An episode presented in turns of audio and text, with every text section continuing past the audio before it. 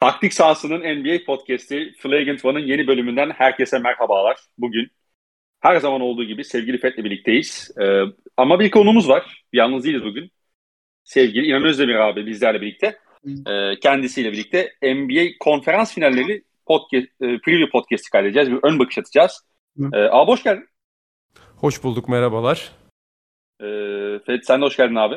Hoş bulduk abi ama bir önden sana paylaşımını yapalım dedim. Soru tweet'e atalım duyuralım dedim. Artık podcast'in içinde bile en sona sakladın. İnanılmaz kavga mı edelim? Kavga mı edelim şimdi? Uza, uzaylıların yanında kavga mı edelim şimdi? Yani Abi yakışmıyor. Yakışmıyor yani. Ben en azından çok güzel bir podcast olacağına dair şu an çok büyük bir hype'a sahibim. Sabahtan beri böyle düşünüyorum ne ederim ne etmem falan diye. Ben başlayalım Muht- bence. Bu hype'ın sebebi muhtemelen podcast değildir ama ona birazdan geleceğiz. O eşine geleceğiz. Evet gelelim. Ee, İnan abi nasılsın abi?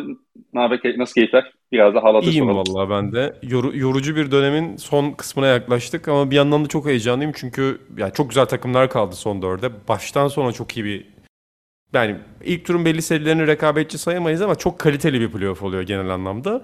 Ee, bir de şey güzel oldu. Sonuçta ne olursa olsun pandemi şu bu sezonun az maç oynandı, bubble oldu, öbürü geldi falan bir karmaşa içine girmiştik.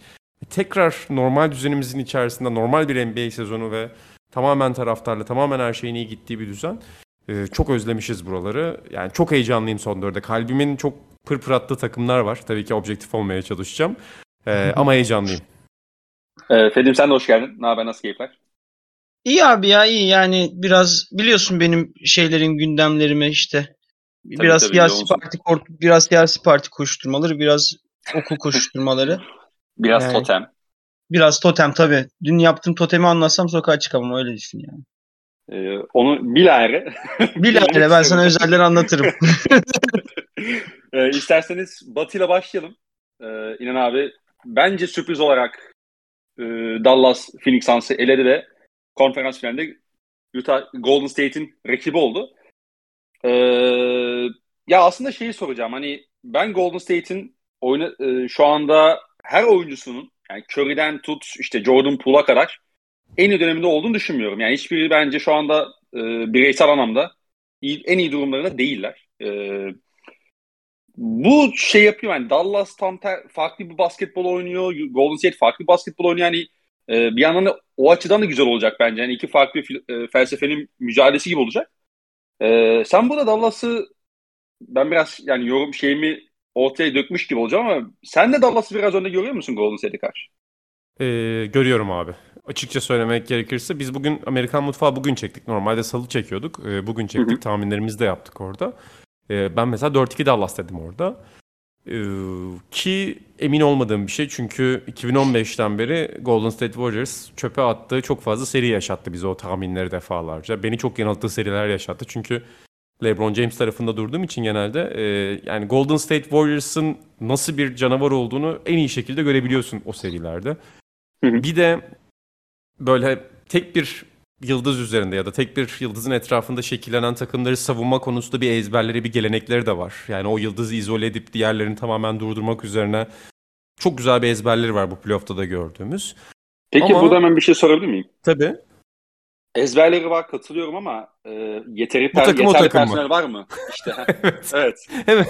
Ya ben benim zaten Memphis serisinde de aynı durum vardı. Abi Golden State Warriors'ta kim ilk 5 çıkacak? Yani şu anda bence yani playoff'un tahmini şusu busu böyle çok detaylı şeylere girmeden önce çok temel bir basketbol doğrusuna cevap vermemiz gerekiyor. Yani Golden State Warriors'ın 5. oyuncusu kim şu anda ilk 5'te çıkacak? Çünkü Kevin. Looney ile Memphis serisini tamamladılar ama orada bile emin değillerdi. Yani Kuminga bir maç çıktı, Bielitsa bir ikinci yarıya başladı, Otto Porter bir yerde sakatlanana kadar çok önemliydi. Şimdi Gary Payton bu serinin başında olmayacak. Hani sonlara doğru Evet. dönerse döner ama Gary Payton yok gibi davranalım. Otto Porter'ın sakatlığı hadi düzeldi diyelim. Tekrar nüksedebilecek bir sakatlık ya da tam performans veremeyecek bir sakatlık. E Kuminga çok Hı hı. genç. Baktığında Golden State Warriors'ın iki uzunla oynamadığı denklemde ki oynayamazsın Dallas'a karşı. Çünkü Dallas bir uzunla oynuyor. Bazen bir uzunla bile oynamayacaklar bu seride. Yani Dorian Finney-Smith'in ya da Josh Green'in 5 numarada olduğu 5'ler görebiliriz. Dolayısıyla oradaki diğer oyuncu kim olacak? Yani işte Wiggins'i biliyoruz, Curry'i biliyoruz, Clay'i biliyoruz. Atıyorum Poole artı Draymond mu çıkacaksın? Böyle olursa Luka Doncic'e gel abi beni avla diyorsun mesela. Kuminga'yı koyarsan Kuminga'yı da farklı şekilde avlayacak. Dolayısıyla Steve Kerr'ın en başta çok temel bir basketbol doğrusunu çözmesi gerekiyor. Ama bu seriyi genel olarak şundan seviyorum ben. Mesela Miami Boston'ı birazdan konuşacağız ama orada örtüşen çok fazla yan bulabiliyorsun. Savunma Evet. en azından felsefeleri içerisinde örtüşen yanlar bulabiliyorsun. Ama böyle zıt serileri ben çok gerçekten merak ediyorum. Yani o Houston Warriors serileri benim için çok anlamlı ve özel serilerdi. Özellikle ilk Rockets Warriors serisinin ben modern basketbol tarihindeki en kilit, en büyük dönüşümün görüldüğü seri olduğunu düşünüyorum hep. Hatta Luka Doncic'in draft edildiği sene hep Hı hı. Luka Doncic'in bir numara olması gerektiğini o seri üzerinden açıklardım. Yani o seriyi izledikten sonra o seride kalabilecek o starlar arasındaki en büyük oyuncu Luka Doncic diye düşünürdüm. Hakikaten de Luka Doncic o starlar arasında kaldı şu anda. E, dolayısıyla bir e, güzel bir tarafı da var bu anlamda. En heyecanlandığım seri bu benim açıkçası. Ee, peki ilk 5 tane 5. oyuncu kim olması gerekiyor Ee, sorusu sorulacak sorulacak dedin.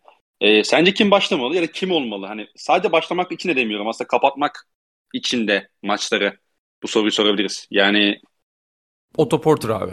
Yani Otto net Porter Otto diyorsun. Porter. Ama sağlıklı mı? işte evet evet evet. Ya ben şeyle başlayacağını düşünüyorum. Ee, Looney ile. Hani son Gerçekten maçlarına gelen bir evet ben bence Looney ile başlayacaktır. Hatta bence serinin başında e, Looney Doncic üzerinde switch'te güveneceğini düşünüyorum. O oradan yara alana kadar bence böyle başlayacak. Yapmadığı şey değil çünkü Harden işte bahsettiğim 2018 serisinde de mesela hani Looney'i de atıyordu çok rahatlıkla Chris Paul ve James Harden üzerine. Ama işte asıl bu da herhalde soru nasıl kapatacaklar maçları? Yani Poole da çünkü çok ciddi bir defo. Bilmiyorum. Hakikaten çok e, benim de kafamı kurcalayan sorulardan biri. Ee, buradan Gerçekten öyle abi. Yani Looney konusunda haklısın biliyorsun yani. Zaten Steve koçluk kariyerinin en büyük hatası Festus Ezeli'yi oyunda unuttuğu ve LeBron James'in sola Festus Ezeli'yi çektiği iki pozisyon 2016 finalinde. Dolayısıyla yani uzunluğu rahatsız olmadan kısanın karşısında bırakmada sıkıntı yaşamıyor ama yani Looney'i ilk beşe koyma kararını çok zor verdiler. Yani Mike Brown, Steve Kerr aramış. Steve Kerr demiş ki abi demiş herhalde kırmak istemedi. Yani bu kararın üzerine bir yatalım, bir yatalım demiş bu kararın üzerine. Uyuyalım uyanalım sabah bir konuşalım demiş. Sonra Mike Brown da çok iyi bir numara yapmış. Ben de çok yaparım bunu. Ee, işte tabii yani kendi iş şeyinde güzel manipüle etmiş. Ben Draymond ve Steph'le konuştum. Onlar da Looney'i istiyor demiş mesela. Yani zor kabul ettirmiş e, Looney'i ilk beşe koyma konusunda. Şimdi demek ki Steve Kerr'ın orada bir tereddütü var abi. O yüzden Otto Porter sağlıklıysa veya Kuminga'ya güveniyorsa o seçeneğe de dönebilir gibi hissediyorum. Ama yani senin de söylediğin şey makul tabii ki. Fakat hani her halükarda Luka Doncic'in avlayacağı çok fazla şey veriyorsun orada. Belgesel gibi olacak. Gerçekten doğa belgeseli gibi. kaçış yani şey yok işte o bahsettiğin e, ezberi sahip olan Golden State kadrosu yok maalesef şu an elinde. E, dolayısıyla bence hani e, artık şey kararını vermesi gerekiyor yani beni Dallas yenecekse bu şekilde yensin kararını vermesi gerekecektir. Ben dediğim gibi e, şeyle e, Looney ile başlayıp e, özellikle maçın başında o switch savunmasında biraz ona güveneceğini düşünüyorum. En azından serinin başlangıcı için diyeyim. E, Fed senin burada eklemek istediklerin neler abi ve sence bu serinin e, seride avantajlı olan taraf kim ve neden? Ya ben Warriors'ı biraz önde görüyorum. Çünkü zira şöyle bir cep her zaman mecbur. Yani şey e, Mavericks'e karşı oynarken şunu oynayabiliyorsun. Ya Doncic'in karşısında geçilmeyecek. En azından kolay geçilmeyecek. Tek adımda geçilmeyecek 5 adam diziyorum ve her opsiyonu switchliyorum ve Doncic'in 50 atıp yorulmasını bekliyorum. Yani Hı hı. e, yan parça şeyleri, kalitesi kendine yaratma konusunda gerçekten iyi parçalar. İşte Dinwiddie çok, dün çok iyi oynadı. İlk turu Jalen Brunson çok iyi oynadı. Bu seride üçüncü maçı çok iyi oynadı. Hı hı. Ama bunlar seni ikincil yaratıcılıklarıyla yenebilecek, en azından konferans finalinde yenebilecek kalitedeler mi? Hele sen şey gibi bir e, Warriors gibi bir kaliteye, yeteneğe sahip takımsan.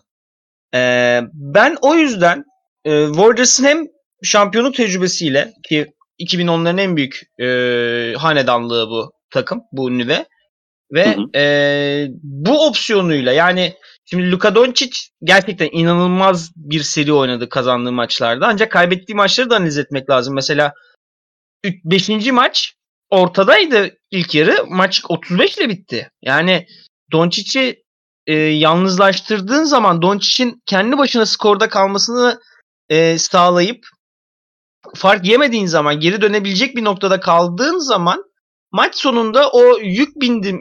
Doncic'in sırtına bir yüklenen e, yük senin avantajına dönmeye başlıyor. Dakikalar ilerledikçe o diğer parçaları maçın içine sokmamaya devam ettikçe. Ben o yüzden Draymond Green gibi de bir çok iyi o topun olmadığı tarafı organize edecek. Ee, ve oradaki hakikaten o iletişimi sağlayacak. Ligdeki belki de en iyi savunma şeyi e, linebacker yani en iyi savunma koordinatörü oyuncu Draymond Green muhtemelen. Ee, ben bu Doncic'in diğer takım arkadaşlarını ileri e, götürme olayını olabildiğince minimize edebileceğini düşünüyorum. Ee, Warriors'ın savunma organizasyonunun. Ee, dün de zaten aslında bakarsan dün evet müthiş başladı e, Dallas maçı ama maçı koparan şey Phoenix'in panik olup double götürmeye başlaması oldu Doncic'e. Yani Doncic o double'ı gördüğü zaman hakikaten joystick'le oynuyor zayıf tarafı. Hı hı. Burada zayıf taraftan yardım getirken yani Draymond Green'in belki de en önemli özelliklerinden biri de çok iyi bir stand savunmacısı olması. Açılara oturup e, yardım zamanlamalarını ve e, nasıl, hangi açıyla yardıma geleceğini çok iyi hesaplıyor olması. Hani Draymond Green gibi bir e, savunma koordinatörü varken savunmanın merkezinde ben hani Doncic'e Draymond Green de cevap bulamayacaksa hakikaten herhalde Dallas şampiyon olur. Finalde kim gelirse gelsin derim. O ya yüzden ben bırak kardeşim totemi ya. Bırak kardeşim totemi. Totem mi? Abi şimdi konuş ama şimdi her dediğimi böyle bir yapacak konuşmayayım ki ben. Yani Şaka yapıyoruz Lütfen. kardeşim. Hemen anlıyorsun ya. ama şu an ama şunu söyleyeyim bak totem motem değil şu an muhtemelen aktif kalan en iyi oyuncu, ayakta kalan en iyi oyuncu Doncic. Yani. Buna da bir çok şey yapamayız yani muhtemelen son formlarını da göz önüne aldığımızda. Hani e, ben o yüzden Warriors'ın 4 maç kaybetmeyecek bir oyun planını e, şey yapabileceğini düşünüyorum, uygulayabileceğini düşünüyorum. Ama bunun üstüne şeyi de düşünmek lazım. Dallas'ın savunması çok iyi. Dallas yarı sahaya düştüğünde oyun yani Onu hücum, zaten. hücum işlemeye devam ettiğinde yani e, rakip geçiş yakalayamıyorsa ve yarı saha yarı saha hücumu oluyorsa ve Doncic yarı saha hücum tarafını halledebiliyorsa yarı saha savunması özellikle bu seri boyunca da yükseldi. Yani e, Doncic'i birebir almaya çalıştığı ilk iki maç hatırlıyorsun. Biz bir önceki podcast'te hani çok ümitsizdik Dallas'ın dön- dönmesinden. Evet. Çünkü sabah akşam oynuyorlardı Brunson'la Doncic'i ve buna çözüm bulunamayacak gibiydi. Ancak orada da hani seri içinde de bir savunması bir kademe atladı. Özellikle Reggie Bullock'un ortaya koyduğu Dorian Finney-Smith zaten standardı ancak Reggie Bullock başka bir sınıf savunma yaptı. Ee, Tabi orada biraz mental olarak da işi katladı takım. İlk maç çok şey gözüküyorlardı. Ee, geçirgen Nereye gözüküyorlardı. Aynen nereye geldik gözüküyorlardı. Hani ee, eğer hücumu 7 maçın 4'ünde 5'inde Curry'e karşı avantaj elde ederek geçirebilirse Dallas ee, ki daha kötü yan rol oyuncularında olduğunu söylemek lazım yani. Keşke şeyi düşündüm ben dün Phoenix maçını izlerken. Bertans'ın 16 milyonuyla Tim Hardaway Jr.'ın 19 milyonu bir tane topçu olsaymış kendine Hı. biraz topu yere vurabilen hakikaten farklı bir şey konuşulmuş Dallas için. Ama e, yan rolde de hakikaten 7.5 oyuncu hatta 6.5 oyuncu sadece pivot 48 dakikayı oynayabiliyor Powell'la Kleber yan yana oynatamıyorsun.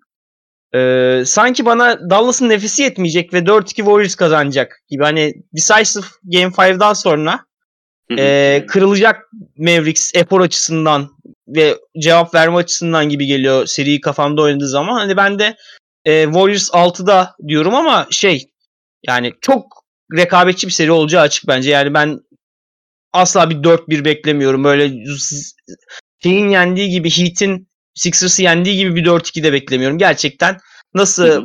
Bucks Celtics serisinde sürekli stiller çarpıştı. Sürekli e, bir oraya bir oraya giden oyun gördük. E, ben çok yakın, ona çok yakın bir oyun yoğunluğunda bir seri bekliyorum. Sadece ben e, Doncic'in mükemmelliği yerine Draymond Green'in mükemmelliğinden oynuyorum bahsimi diyeyim.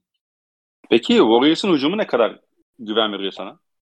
Vallahi Yani açık hep söyleyeyim mi? savunmadan, hep savunmadan bahsettik ama yani Warriors'ın hücumu da şu anda en iyi döneminde değil. Ama stil olarak bir farklılıkları var. Yani Warriors'ın hücum etme şekli Mavs'in savunma yapma yani istediği savunmaya imkan vermeyen bir stil. Stil olarak yani form olmasa da sürekli geçiş Hı hı. zorluyorlar, sürekli koşturuyorlar rakibi, topu durdurmuyorlar. Mavericks mesela Mavericks'in e, Suns'a karşı bu özellikle 7. maçta yakaladığı en büyük avantaj e, pick and roll'dan sonra topu hızlıca diğer kanada geçirememesi oldu Suns. Panik olduktan sonra özellikle. Ama Warriors zaten Warriors basketbolun alameti farikası. Topun böyle tır tır tır tır tır tır tır, tır koşmaya başlaması perimetrede. Yani bunun Mavericks'in özellikle Jason Kidd'in bu sene gerçekten bu dün de tweet olarak attım. Hani Celtics'in savunması öyle bir seviyede ki Mavericks'in savunması yeterince övülmüyor. Yoksa bu takımın bir sene de atladığı savunma seviyesi hem de çok büyük bir personel değişikliği olmadan akıl alır gibi değil. Hani Hı hı.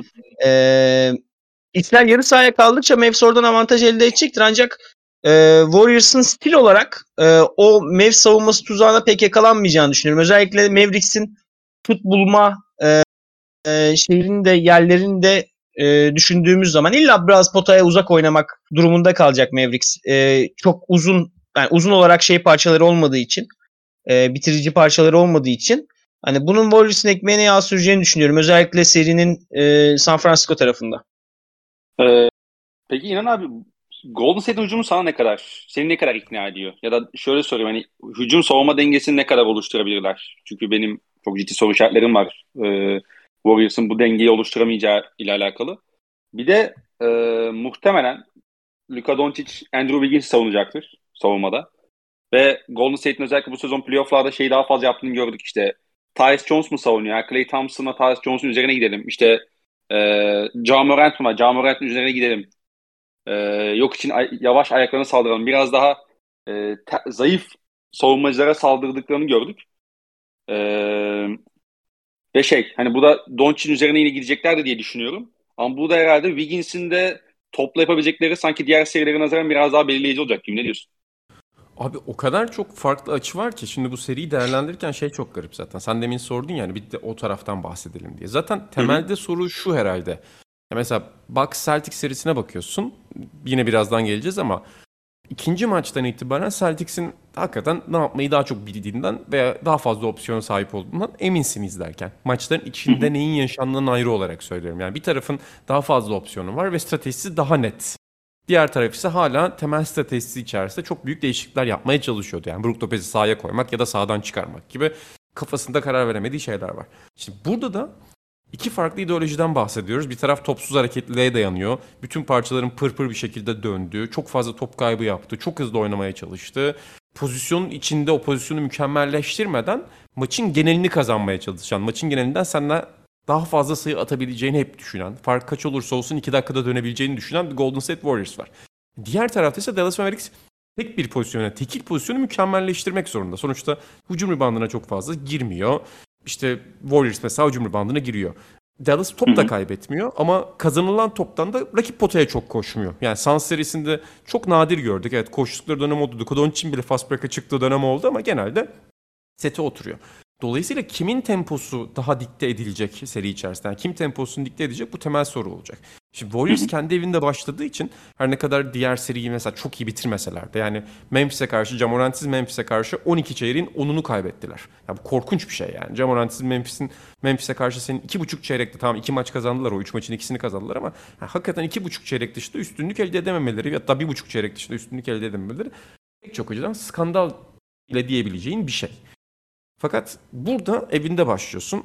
Dallas seriyi senden daha geç bitirmiş vaziyette. Daha yorgunlar senden ve opsiyon olarak Dallas daha net bir basketbol oynuyor. Yani daha sınırlı, o sınırlılık içinde mükemmelliğe gidebilen ama çok çeşitli bir basketbol değil. Dolayısıyla Warriors kendi temposunu dikte edebilir. Ama hücumda da bence savunmadaki probleme sahipler. Yani şunu biliyoruz. Dallas Mavericks Stephen Curry'yi, Klay Thompson'ı veya Jordan Poole'u çoğu zaman birebir savunmayacak. Yani en azından bunlardan iki tanesini belki Clay'i değil ama Jordan Poole'u ve Steph Curry'i özellikle de Steph Curry'i iki kişiyle savunacaklar. Yani Devin Booker'ın Suns serisinin sonunda tamamen düzen dışına çıkmasının en temel sebebi buydu. Fed de az önce bahsetti. Devin Booker'a sen işte atıyorum pozisyon içerisinde blokla mı savunuyorsun? Dorian Finney-Smith'i Chris Paul'a verdin. Ama şunu biliyorsun abi. Devin Booker perdeyi çağırıyor. Oraya Max Kleber çıkıyor. Şimdi Max Kleber'le Reggie Block orada. Fakat Dorian Finney-Smith de Chris Paul'da değil aslında. Dorian Finney-Smith de tepeye geliyor. Çaprazda olduğunu hayal edelim Booker'ın. Yani 3 tane oyuncu Booker'ın topla gidebileceği bütün alanları tıkıyorlar. Booker o pası kısa, da, kısa devrilmede verdiğinde Michael Bridges seri biterken hiçbir şey yapamamaya başladı. DeAndre Ayton zaten potadan 6-7 metre uzaklaşmış vaziyette artık. Çok erken perdeyi getirdiği için hiçbir şey yapamıyor. E Chris Paul'a veriyor mesela serinin sonunda. Chris Paul da öyle keçen şutu çok fazla kullanan bir oyuncu değil. Evet atabiliyor ama Houston'da da görmüştük. Yani o topla oynamayı daha çok seviyor. Önce topla bir şeyler yapıp topla birlikte hızlanmayı, topla birlikte inmelenmeyi seven oyunculardan biri. Şimdi dolayısıyla Suns çok yavaşladı seri ilerledikçe ve serinin sonunda hem ya biz çok yavaşladık. Bizim kendi doğrularımız bunlar değil. Hızlanalım dediler. Hızlanalım derken hata yaptılar. Landry Shamet'ler, Cameron Johnson'lar lambur lumbur oynamaya başladı. Hem de bir yandan da çok yavaşladılar. E sen Dallas Mavericks'e karşı o avantajını kullanamadığında Dallas Mavericks o kadar zeki ki anında geri dönebiliyorlar. Yani senden risk alıp sana geri dönme konusunda onlara yarım saniye verirsen Dallas Mavericks anında seni kapatmakta usta olan takımlardan biri. İşte Golden State Warriors'ın temel olayı bu olacak bu seride. Yani Clay Thompson'ın biz potaya bomba fırlatacağını biliyoruz. Yani girer girmez o ayrı ama Clay Thompson top eline gelir gelmez eğer Curry'i iki kişi bastırıyorsa o topu potaya fırlatacak. E Jordan Poole'un da fırlatacağını biliyoruz potaya. Bir Hı-hı. maçı yatarlar, bir maçı yatmazlar. Fakat diğer oyuncular, yine az önce savunmada saydığım oyuncular. Mesela Draymond Green son maçta 14 şut kullandı. Draymond Green bu seride kaç şut kullanacak mesela hücumda? Yani potaya doğru gidecek mi mesela? Max Kleber dışarı çıktığında Dorian Finney-Smith'i pota çevresinde görünen Draymond Green ya ben Dorian Finney-Smith'in üzerinden bitiririm diye düşünecek mi? Veya e, Draymond'la Looney'i oynatıyorsun. E, bunlardan Hı-hı. ikisi de senin yardım götürebileceğin oyuncular.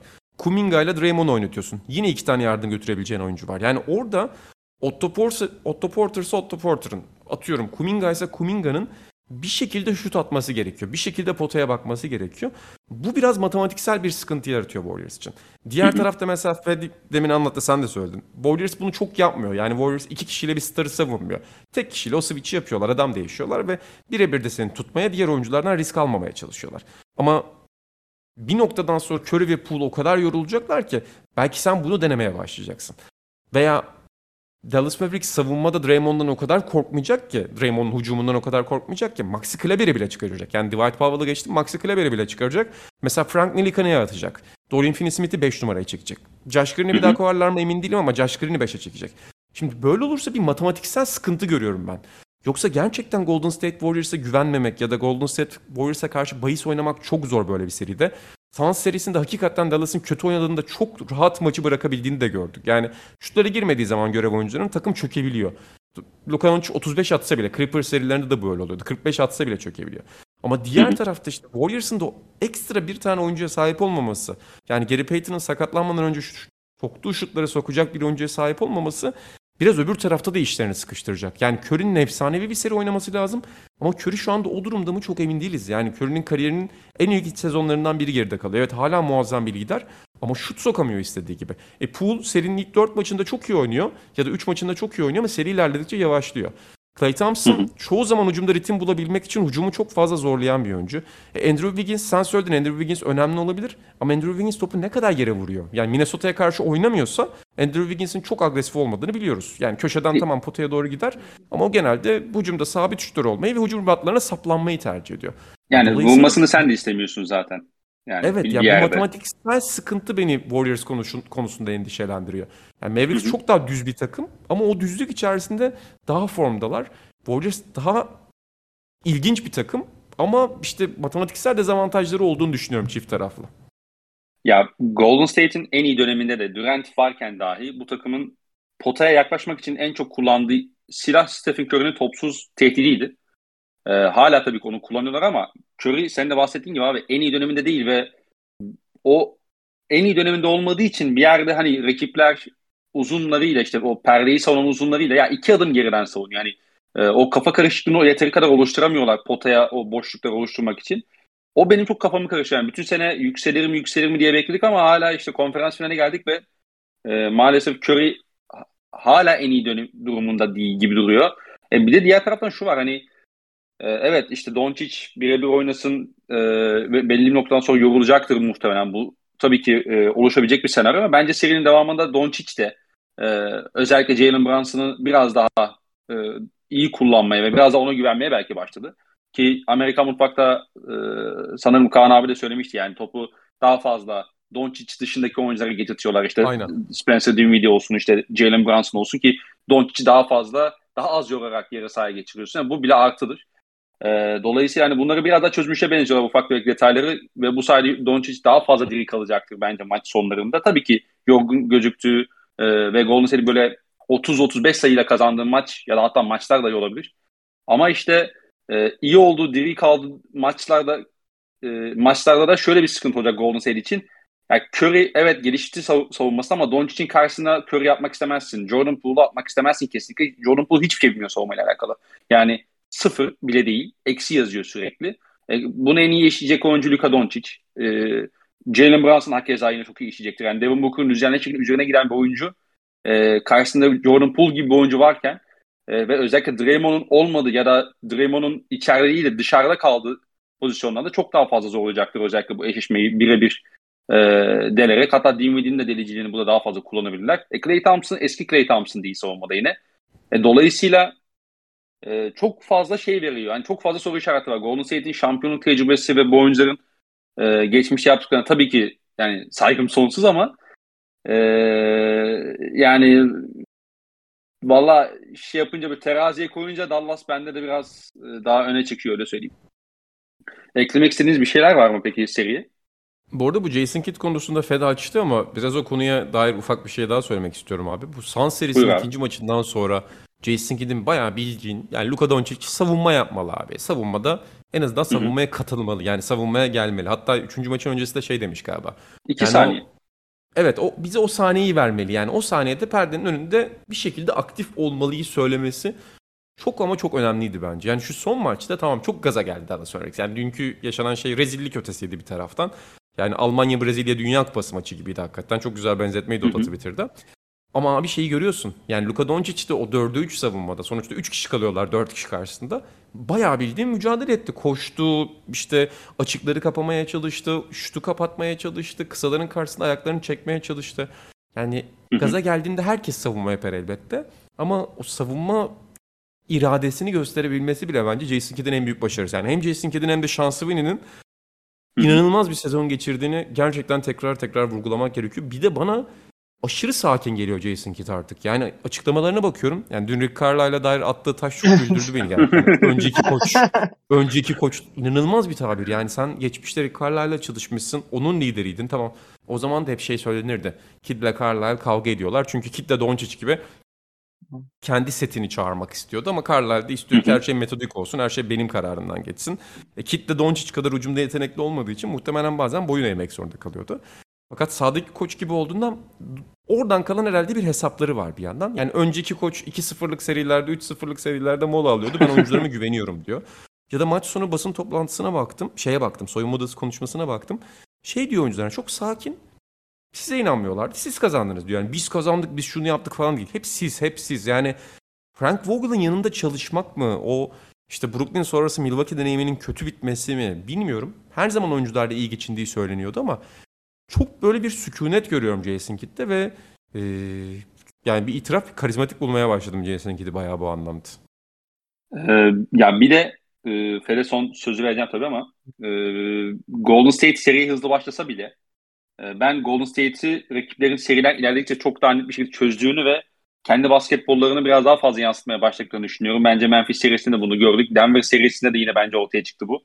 E, bence Denver son 3 maçın ikisini kaybetse bile sahada istediği basketbolu daha fazla oynayan taraf gibiydi. Golden State'in yapabildiklerini daha iyi savunmaya başladılar. Yapamadıklarını daha fazla saldırmaya başladılar.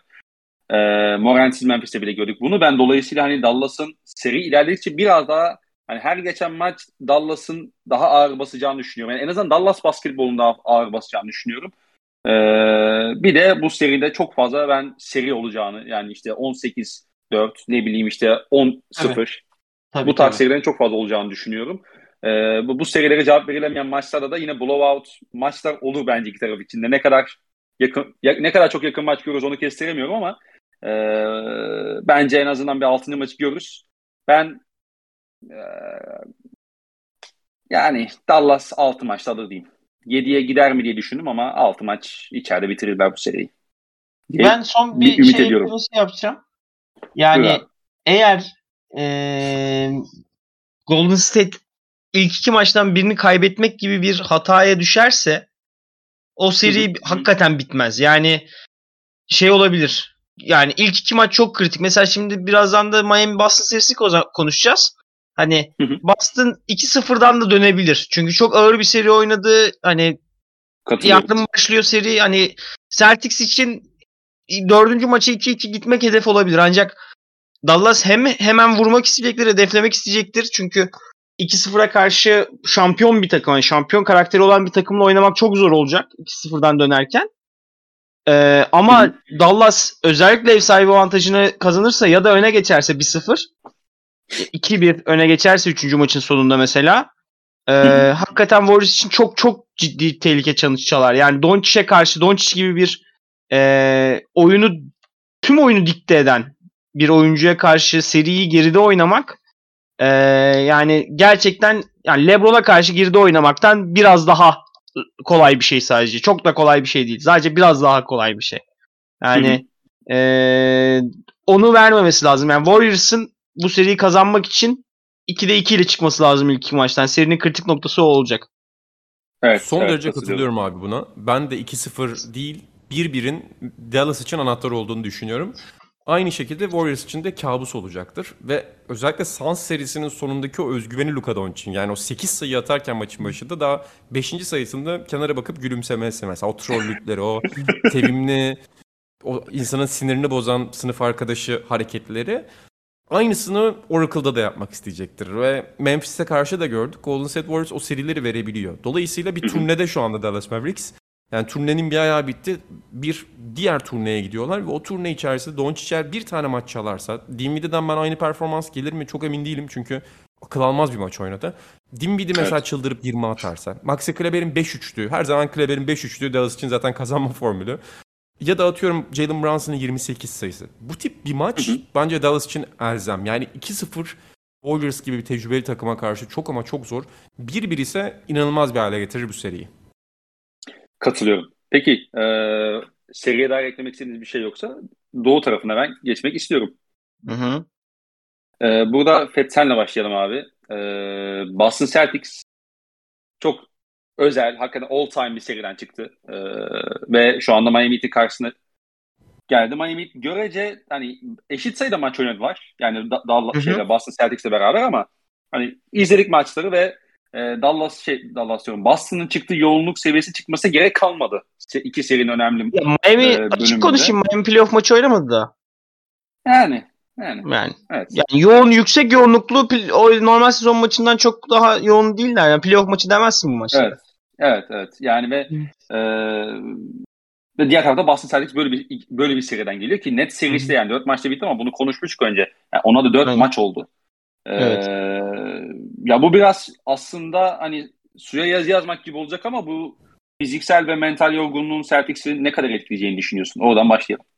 E, şey de etkileyebilir. Şimdi e, Milwaukee'de ilk maçı çaldı çünkü Chicago serisinden gelen bir sertlikleri vardı. Boston daha uzun dinlenmişti. e, daha sense of urgency halindelerdi. E, ve kazandılar ilk maçı çalabildiler. Yani bu iki tarafa da kırar. Yani ve bence en azından bahane olacak bir değişken değil. Yani hı hı. E, Miami bunu hak etmişti. Aldı ancak ne bileyim işte daha yani Gabe Vincent'i kullanabiliyorlar planları içinde. Boston e, ilk maçlarda özellikle bu kullanabildiği oyunculara saldırmak isteyecektir. İşte Vincent'e, Susa, Deadman'a hani belki de Hiro'ya yani belki de Duncan Robinson'a süre alırsa. Hani bu e, diğer Atlanta'ya karşı Sixers'a karşı saklayabildiğin oyuncuları kullanılmaz hale getirecek Boston ve eğer e, bunu bir önceki turda test etmiş olsaydı bu da Miami'nin avantajına diyebilirdik. Yani bu bence iki tarafa da işleyen e, bir fark. Yani Boston daha sert geliyor ve daha keskin haldeler şu an. Mental olarak çok güçlüler. Yani ben inan ben bu takımın 6. maç çıkacağına dair zerrece umudum yoktu. Uyudum o gece. Yani gerçekten uyudum. Canım sıkılmasın diye. Biliyorum, ee, biliyorum.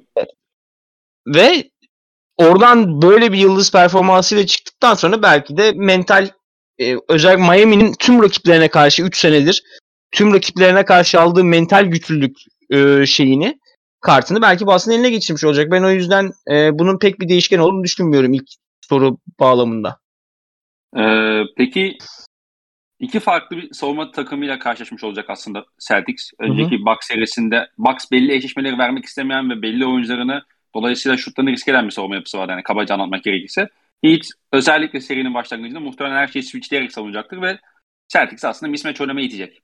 Peki evet. bu mismatch oyununu Celtics e, ne kadar doğrultularla cezalandırabilir? Yani bu sezon şu ana kadar oynanan oyun belki bas playoff eşleşmelerinde oynanan oyun sana bu konuda ne kadar güven veriyor? Vallahi Switch e, savunmasının bir numaralı bastırı e, roller gravity modern NBA'de. Yani Hı hı. e, pick and roll'a soktuğunda o switch'te geçen zamanda eğer senin uzunun potaya mızrak gibi saplanıp orada bir kendine koruma alanı yaratılmasını talep ediyorsa ki Ralph Williams bu konuda ligin en iyi oyuncusuydu e, sakatlanana kadar.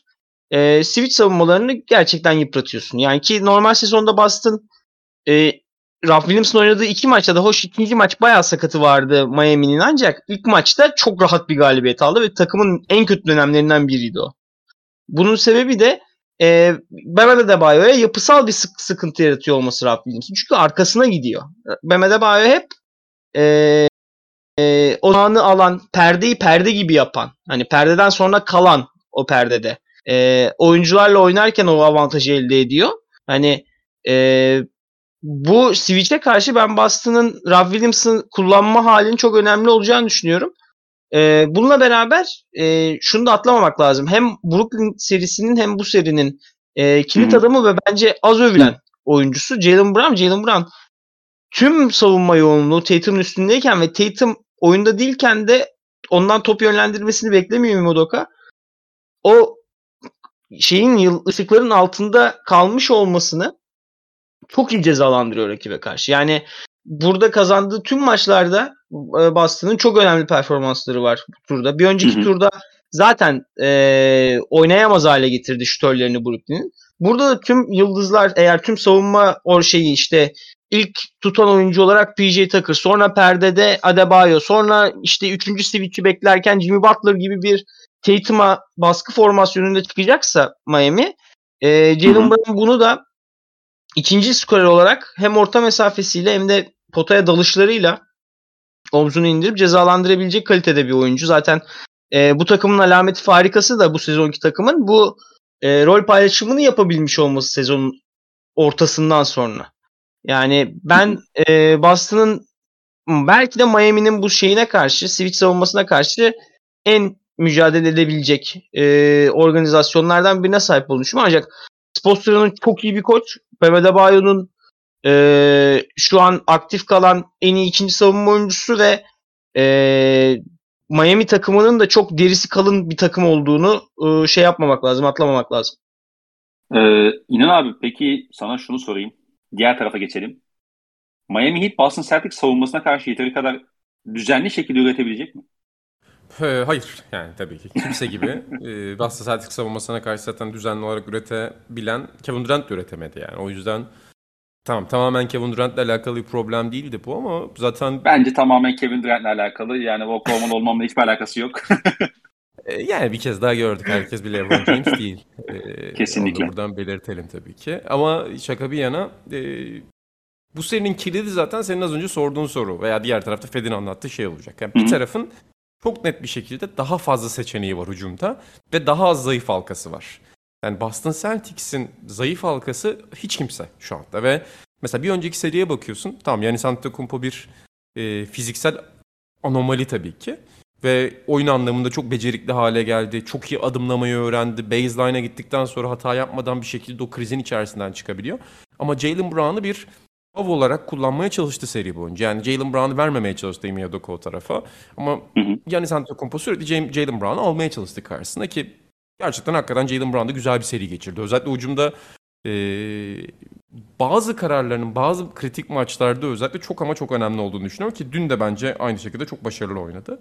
Fakat sorun şu ki Jim Butler Jalen Brown'a aynı muameleyi yapabilecek bir oyuncu değil.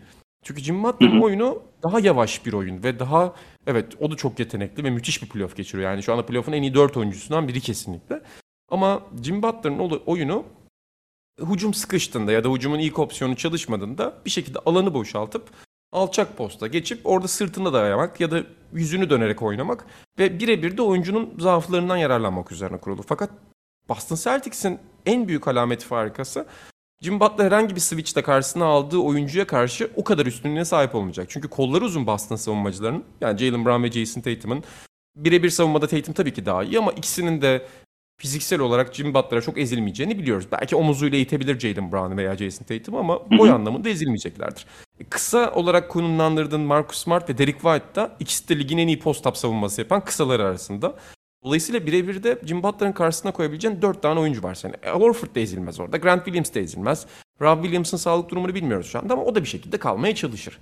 Dolayısıyla Miami Heat'in temel ucumu, ucumunun temelindeki Jim Butler'ın yine çok iyi bir seçim, seri geçirme ihtimali var ama boşluk bulması zor olacak. Yani çok zor şutları sokması gerekecek. Belki Lakers finalinde soktuğu şutları sokması gerekecek ki bu her zaman çok kolay değil. Yani Philadelphia'da oynadığı dönemde Toronto serisinin sonunda yaşadığı gibi duvara çarptı. Yine liderlik etti ama duvara çarptı ucumlar olabilir. Diğer tarafa bakıyorsun Tyler Hero şu anda aşırı formda değil. Bunu söylemek lazım. Yani çok inişli çıkışlı oynuyor Tyler Hero. E Max Struz bir önceki serinin sonunda, Philadelphia serisinin sonunda bence yani Tyler Hero'nun hiç atamadığı pasları atabileceğini gösterdi. İkili oyun çıkışında savunma şutunu kapatmaya çalıştığında devrilen Bam Adebayo'ya ya da artık orta mesafede çok daha rahat oynayan TJ Tucker o pasları verebileceğini gösterdi. Bu önemli bir adım. O basit, ama basit okumaları çok iyi yaptı evet. Gerçekten öyle. Ben çok çok mutlu olarak izledim o pozisyonları. Çünkü Duncan Robinson'da da o çok yoktur. Yani Duncan Robinson evet, evet, evet. handoff'tan alır, handoff'tan verir, handoff'tan alır. Yani bıkmadan sürekli aynı oyun oynar ama üzerine savunmacı geldiğinde yani kısa devrilmeye o pası vermek dışında müthiş bir oyun okuması yok ama Max Struz hareketli bir şekilde tek elle çok acayip paslar verdi. Tamam 4 tane 5 tane örnekten çok gaza gelmemek lazım. Ama Spolstra'nın orada bir şeyler yapmaya çalıştığı belli. Yani Spolstra'nın onda sürekli ısrar etmesinin sebebinin ya daha istikrarlı üçlük atıyor değil hem savunmada durabiliyor hem de hücumda demek ki Duncan Robinson'ın yapamadığı şeyi bana bu verecek diye düşünüyor. Ki hepimizden daha zeki bir adam Spolstra. Onu gördüğü için de oraya bir müdahalesi var. Ya şimdi Bam Adebayo hala ne kadar yetenekli olduğunu bilmeyen bir oyuncu bence. Yani insanların onu düşündüğü yetenek seviyesinden daha alt bir yetenek seviyesinde olduğunu düşünüyor ve bu beni gerçekten sinirlendiriyor dönem dönem. Jim Butler da sinirlendirmişti. Yani Bam Adebayo kesinlikle daha fazla denemesi lazım ama bazen kendini Draymond Green gibi görüyor anlayamadığım bir şekilde. Böyle olunca opsiyonlar daralıyor. Victor Oladipo istikrarlı bir opsiyon olur mu Boston'a karşı hiç sanmam. E Kyle Lowry sağlıklı olduğu dönemde Boston her zaman problem çıkarırdı. Çünkü o da bir deli ama Kyle Lowry de sağlıklıydı. Dolayısıyla iki takım da çok duvara çarpacak. Ama bir takımın ana oyuncusundan top çıktığında switch sonrası ana oyuncusuna baskı geldiğinde gidebileceği çok fazla opsiyon var. Yani Marcus Smart da çok akıllı karar veriyor birkaç maç, birkaç pozisyon dışında. Ocak ayından beri bunu görüyoruz. E Jalen Brown zaten orada. E Derek White ortaya gidiyor. Grant Williams şut atıyor. Al Horford dün çok öne çıkarılmadı belki ama gerçekten bağlantı olarak, köprü olarak çok güzel paslar verdi dün Boston hücumunun akışkanlığı içinde. E, dolayısıyla Boston'ın ana oyuncusundan top çıktıktan sonra gidebileceği daha fazla adres var. Miami'nin bu adreslerinin sınırlı olması eğer Hero çıldırmazsa Miami'nin elini dar, dar, e, çok daha kısıtlı hale getiriyor elbette zorlaştırıyor. Ee, peki Miami Heat'in öne çıktığı alan var mı? Böyle sorayım. Ya da nerede öne çıkıyorlar? Tabii ki Eric Spoelstra bu da kolay cevap ama e, saha içerisinde ne yapabilir de bu takım e, Celtics'e karşı 7 maçın 4'ünü kazanabilir? Yani transition. Ama orada da müthiş bir avantajları yok. Şimdi Atlanta ve Philadelphia karşı oynadıklarından dolayı Hı-hı. işte playoff istatistikleri istatistikleri çok belli açılardan ikna edici değil tabii ki. Yani kıyaslama için doğru örnek grubunu oluşturmuyor bence. Tamam işte bakıyorsun benzer maç sayıları oynamışlar ama Fed daha az önce bahsetti. Aynı ligdeki rekabet seviyeleri değil bunlar. Miami bir şey yaparsa tabii ki kaptığı toplardan veya yediği sayılardan sonra anında ilk pası uzun vererek rakip potaya gitmeyi tercih edebilir. Ama orada Yanis'e karşı transition'da inanılmaz bir savunma duvarı örmeyi başarabilen Boston Celtics de kapatacaktır. Hücum ribandı olabilir burada. PJ Tucker'ın playoff'ta özellikle ya da Miami kanatlarının, Miami uzunlarının playoff'ta daha fazla ucum bandına gitmeye çalıştığını görüyoruz. Boston'a göre bu anlamda daha iyi bir takımlar. Yani oradan birkaç ekstra pozisyon alabilirler. Çünkü mesela savunma ribandına da bakıyorsun. Miami daha iyi bir savunma ribandı takımı. E, hücum ribandlarına bakıyorsun. %31 civarında, %32 civarında hücum ribandı yüzdesi elde etmişler. En tepeler arasını yazabiliriz onları. E, top kayıplarından Oyun... üretilen sayılarda yine tepelerdeler. Dolayısıyla Celtics biraz dağınık hücum ederse, Tatum'dan top çıktığında Smart mesela saçmalamaya başlarsa, eski Smart tipi hatalar yapmaya başlarsa veya Derek White'ın çok kötü bir günü, potaya hiç bakmadığı bir günde o ekstra pozisyonlar Miami'ye çok ciddi avantaj getirebilir. Ee, peki Fed sana aynı soruyu sana sorayım. Yani Miami Heat nerede avantaj sağlayabilir bu Celtics'e karşı? Ya da Celtics Miami'ye karşı hangi açılarda problem yaşayabilir? Ya mental bir bir takım benim Miami kadrosunu düşünürken en kafamı karıştıran şey çok kalın bir takım olması Miami. Yani şey olarak Fiziksel olarak yani e, çok geçirgen bir takım değiller. Yani Bucks sizi potaya atak etmekten alıkoyuyor ama bunu şutları vererek yapıyor. Yani e, Oraya, aslında kaynak, oraya sorun- ekstra kaynak ayırarak yapıyor diyorsun. aynen aynen yani sorunun içinde cevabını da göstererek yapıyor bunu. Ancak Miami yani sırf kalitesiyle seni gerçekten potaya gitmekten alıkoyabilen bir takım. Özellikle Adebayo, PJ Tucker e, ve Jim Butler aynı anda sahadayken. Bu potaya gitme konusunda içgüdüleri çok yüksek olmayan Boston starlarına karşı illa bir sorun yaratacak. Bence e, Milwaukee maçı serisini çözen oyuncu ki serinin en büyük artı eksisini o yaptı. Artı eksi listesinde seri lideri Derek White. E, bu serinin de en kritik adımı Boston adına. Onun o içgüdüsel olarak potaya gitmesi. O Hı hı. paint touch dediğimiz hani boyalı alana girme çıkma bitirmese bile savunmanın dengesini bozma işini yapması serinin kritik noktalarından biri olacak. Koç Hı hı. Eci konusunda bir şey diyemeyeceğim çünkü Ime Udoka'da ya biliyorsun senin senenin başında ben Udoka kovulmalı diyordum yani. Dayanmam bu adama diyordum yani. Evet. Hatırlarsın. Evet. Ama dün mesela ikinci ikinci yarıya bir başlangıç var. O o seri tamamen koçluk imzası. Fark etti baksın e, Lopez ve Grayson aslında savundurmadığını kimseyi. Yani sadece alan aldığını sürekli adamlarını aksiyona soktu. Ne olursa olsun. Ne olursa olsun hı. aksiyona soktu ve sürekli sürekli istediği hücumu buldu. Yani Ime Udoka da yumruklara cevap verebilen bir koç olduğunu gösterdi playofflarda. Hani tabii ki Spoelstra ligin en iyi koçu şu an. Neredeyse tartışmasız bir şekilde. Popovic e, Çin rekabetçi bir takım olmadığını ve Brad Stevens'ın koçluktan ayrıldığını üst, üstüne eklediğimizde hani onun tarzı o seviye bir rekabet olmayacak şey olmayacak hani test edilmişliği seviyesi aynı olmayacak kesinlikle daha yukarıda olacak ama ben Udoka'nın bazı yumruklara cevap verebileceğini durum. Ee, onun dışında yani Kyle Lowry'nin bir şampiyon, e, şampiyon takımın mental lideriydi. Jim. Butler Bubble'daki takımın mental lideriydi. Hani eğer Boston Boston'da Milwaukee'yi 3-2'den gelip eledikten sonra burada şey ecini vermek, mental eci Miami'ye vermek de çok mantıklı gelmiyor bana ama hala Miami'nin e, şampiyon ruhuna sahip bir e, kadroya sahip olduğunu söylemek lazım. PJ Tucker da bunu ekleyebiliriz. Geçen sene şampiyon takım şampiyon takım parçasıydı. Yani Hı hı. e, Miami ne olursa olsun yani Boston favori geliyor. Ben de buna katılıyorum. Hı hı. E, daha da iyi takım gibi gözüküyorlar. Ama e, Miami asla şey olmayacak. Kolay out olmayacak yani. Ben asla hiçbir dakika pes etmesini beklemiyorum Miami'nin seriden. Şeyin Philadelphia'nın yaptığı gibi. Bu mental konuda çok haklı buluyorum abi. Şeyi de hakikaten söylemek lazım. Mesela Milwaukee Bucks savunması da belli ölçülerde çok zor bir savunma. Ama sana hep aynı şeyi verdiği için onu çözebilmek için daha fazla zamanın var seri içerisinde. Maç içerisinde bile. Yani 18 dakika 20 dakika benzer bir savunmaya hücum ediyorsun. Bir noktadan sonra anlıyorsun. Yani Grayson Allen'a hücum edeyim, Pat Connaughton'a gideyim ya da Brook Lopez var köşe üçlü atayım. Dolayısıyla rol oyuncularının çok fazla düşünmesine engel oluyorsun. Veya starlarının bile yani Celtic starlarının bazen düşünceleri içerisinde çok kaybolduğunu biliyoruz zaten. Ya da Smart'ın fazla düşündüğünde arıza yaptığını biliyoruz kafanın. Ee, Miami'nin sorunu Miami her pozisyonda bu kalemun gibi değiş, renk değiştirebildiği için bazen Bubble'da da bunu çok görmüştük. Yani Brad Stevens gibi çok zeki koç bile zorlanmıştı o seride. Tamam oyuncu grubuyla da alakalı bu. Sonuçta sen koç olarak neyi çözersen çöz. Sağdaki oyuncular o Brad savunmasında- olunca.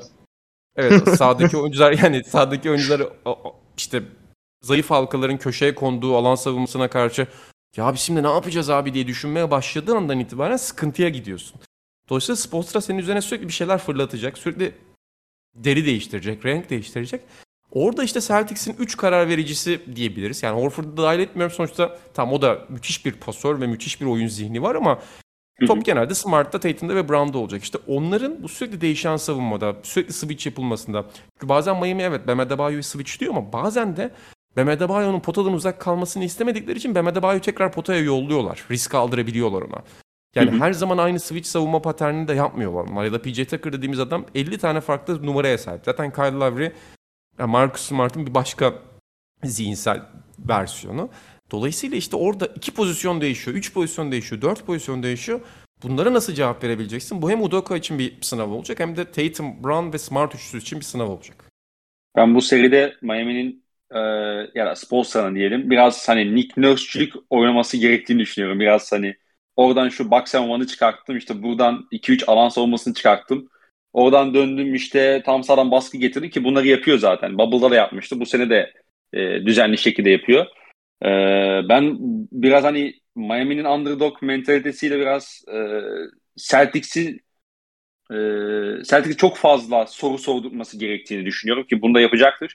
İşte hem switch savunması olsun hem az önce senin de bahsettiğin gibi abi switch'ten sonra Adebayo tekrardan o içeriye yine yardımları getirebiliyor. Ama bence kritik sorulardan biri de Miami'nin bence kesinlikle alan savunması göreceğiz. Alan savunmasının farklı versiyonlarını, e, versiyonlarını göreceğiz. E, işte burada da herhalde Tatum gibi, Brown gibi oyuncuların da bu alan savunmasına karşı nasıl reaksiyon vereceği de özellikle bazı maçların sonucunu direkt etkileyecektir diye düşünüyorum. E, ben de Evet, katılıyorum yani. Bir ekleme Yani. yapabilir miyim? Tabii. Şey konuşurken, e, strateji konuşurken ben serinin başında olmasa da Ralph Williams fiziksel olarak prime'ına döner gibi olursa ciddi süreler Jim Butler'ın üstüne Ralph Williams'ı açacağını düşünüyorum şeyin, Udoka'nın. Yani şey Dave, Davis'le e, Frank Vogel'ın yaptığı gibi diyorsun. Ya da Antetokounmpo ile yaptığı Aynen, gibi geçen aynen. sene. Yani Aynen. fırlatacak üstüne ve hadi bakalım yarat diyecek. Çünkü hiçbir zaman üçlük pull-up'una güvenen bir oyuncu olmadı Jim Butler. Ve o topu elinden çıkarmaya başladığı zaman yani bu takımın bu takımı yaratan şey Jim Butler'ın o agresif karar vericiliği aslında. Bu Peki takımı burada bir şey sorabilir miyim sana? Hı hı. Lowry'nin iyi olduğunu varsayıyorum. Bu Jimmy Butler yani Lowry Jimmy Butler pick and roll'ünü daha etkili, biraz daha etkili kılmaz mı? Yani Robert. Williams'ı biraz daha coverage'a sokmak, Butler'ı daha fazla perdeci Cover- kullanmak. Ama şimdi soktuğun coverage bir uzun coverage'ı değil onu unutma. Yani eee, devrilmek dediğimiz şey bir fundamental ve Jimmy Butler o fundamental ne kadar gösterebilecek? Bir. iki Ya da Ee, tersten, ya da tersten pick and roll oynadım. Sağ tarafı bomboş bıraktım. Yani bunlar da uzun için biraz zor okumalar olabiliyor ya. Uzun için zor okumalar olmasa olsa bile e, yine ne olursa olsun Ralph Williams switch ettim ve hayatıma devam ettim opsiyonu veriyor bir. İki e, 35 yaşında hamstring sakatlığından dönecek Kyle Lowry ne kadar o bildiğimiz geçiş zorlayan, agresif olan, potaya giden, ısıran, basan yani şey gibi topçuydu yani Stephen Appiah gibi böyle özellikle şeyken. Öyle bir adamdı özellikle Bubble'da. Yani Hı hı, katılıyorum. ee, onu ne kadar şey yapabilecek, e, gösterebilecek o da işte belki de serinin hani en büyük soru işareti. Yani Zaten Lowry Lowry gibi dönerse, Lowry bildiğimiz Lowry gibi dönerse yani Lowry Bubble'da hatırlıyorsun Bubble'da Boston şampiyonluktan neden hadi konf- e, finale çıkmaktan neden adam aslında Miami değil Acayipti. Lowry'di. 3 maç uzattı seriyi durduk yere. Yani. Efendim? Acayipti ya. Ben o Bubble Lowry basketbol Ay, dair en sevdiğim şeylerden biri abi. İnanılmaz bir şeydi yani. lava bak ya. Sardı aga ya. Sardı bize yani. Ben gerçekten o 15 gün benim hayatımın en yaşlandığım 15 günüydü neredeyse. Öyle bir lavra olacaksa evet Miami şu an şampiyonluk favorisi hatta. Ama Zaten iyi döndü. iyi, iyi Lowry şerhini o yüzden düşündüm zaten. Hani Ha.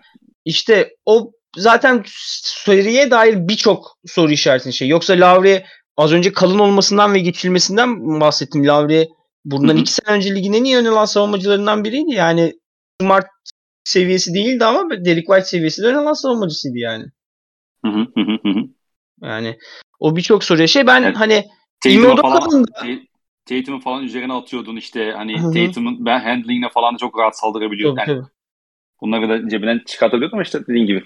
E, Yudoka diyordun abi sözü kesin pardon. ben Udoka'nın da sahaya trikler atabileceğini düşünüyorum. Yani savunma olarak elinde hakikaten capable, birçok konuda capable bir e, 8 kişilik rotasyon var. Yani Hı hı. Şeyi de yapmak isteyecektir bu arada. Bunu atlıyoruz biraz. Normalde ilk önce önce konuşuyoruz serileri sonra devamını konuşuyoruz diye aklımda kalanları biraz şimdi boşaltacağım. İki seride de Peyton Pritchard'ın sahada kalabilmesi bu aslında da çok kritikti. Hani bunu da bunu da Grayson Allen ve e, Patty Mills'in varlığıyla sağladı. Eğer e, Peyton Pritchard'ı sağdan atacak şeyi koyamazsa sahaya, e, şemayı koyamazsa sahaya Spoelstra, e, Peyton Pritchard'ın şut tehdidi bile, şut tehdidi yani açtığı alanlar bile e, serinin şeylerinden biri olabilir, değişkenlerinden biri olabilir. Hani iki tarafta da karşılıklı sahaya atılabilecek trikler var bence. Yani Hı hı. evet Spoelstra bunu uzmanlıkla kullanan bir e, koç. Kurt şampiyon e, bir hoca. Ancak Udoka'nın elinde de birçok yere uyan birçok maymuncuk var bence. Katılıyorum, katılıyorum. Ee, peki ikinizden de birer seri tahmin alayım. İnan abi. Ee, 4-2 Boston. Fet. 4-2 Miami. Peki neden 4-2 abi? O, Miami nasıl kazanıyor seriyi? 2-2 Hı hı. 5. maç hani Kır, kırdı. 5. maç kırıyor. 6. maç 2 kere 3 giden dönerse takım zaten bir özel kupa versinler yani. Hani hani Zaten- ben 5. maçın iç sahada oynanıyor olmasının her zaman çok kıymetli bir değişken olduğunu düşünüyorum. Ee, ben de 4-2 Boston diyeceğim. Ee, hatta şöyle bir çılgın tahmin de atayım seriye dair. Hatta sizin de varsa sizin de alayım. Ee, muhtemelen en az 4 maçta 6 maçın 4'ünde diyeyim 200 sayı görmeyiz. 200 sayı. Evet. 200 sayı az ya. Ben 90. baremi 206 207'den falan koyarım abi. Bahisçi gibi şey Aynen. yapayım. Ya 206 alt 206 üst oralar beni düşündürür. Çünkü dün de e, alt oynadım maça. Boston kazanları alt olur diye oynadım. Orada 206 idi mesela. Ya 200 çok zor artık ama tabii 200 de olabilir yani de. 206 210 arası maç sonu faal, Jim Butler'ın çizgiye gitmesi falan o tip şeyleri de düşündüğünde bana daha gerçekçi geliyor. Eşit, yani Aynen. çılgın tahmin olduğu için. 2 zaten. maç Scott Foster atarlar. 300 de görürüz. Sıkıntı yapma. Biz playoff'larda ben ya bir de abi ben Celtics taraftarıyım. Ben 6 senede 4 tane konferans yani 4. konferans finalim bu. Yani neler neler gördüm ben. Yani şey değil. Hakikaten mental bir eşik benim için konferans finali oynamak. Her şeye hazırlayayım yani şu an. Hiçbir şeye şaşırmayacağım. Yaşanan her şeye. Zaten- Yani Jimmy Butler Za- tek... Buyur abi. Yok ha- haklısın zaten söylediğin o 5. maç şeyi de önemli. Ya ben zaten tamamen tahmini Boston'ın iki maçtan birini çalması üzerine kuruyorum. Çünkü bence 1-3 yapabilir Boston 4. maç bittiğinde. 5. maçı Miami alıp 6'da bitirebilir seriyi.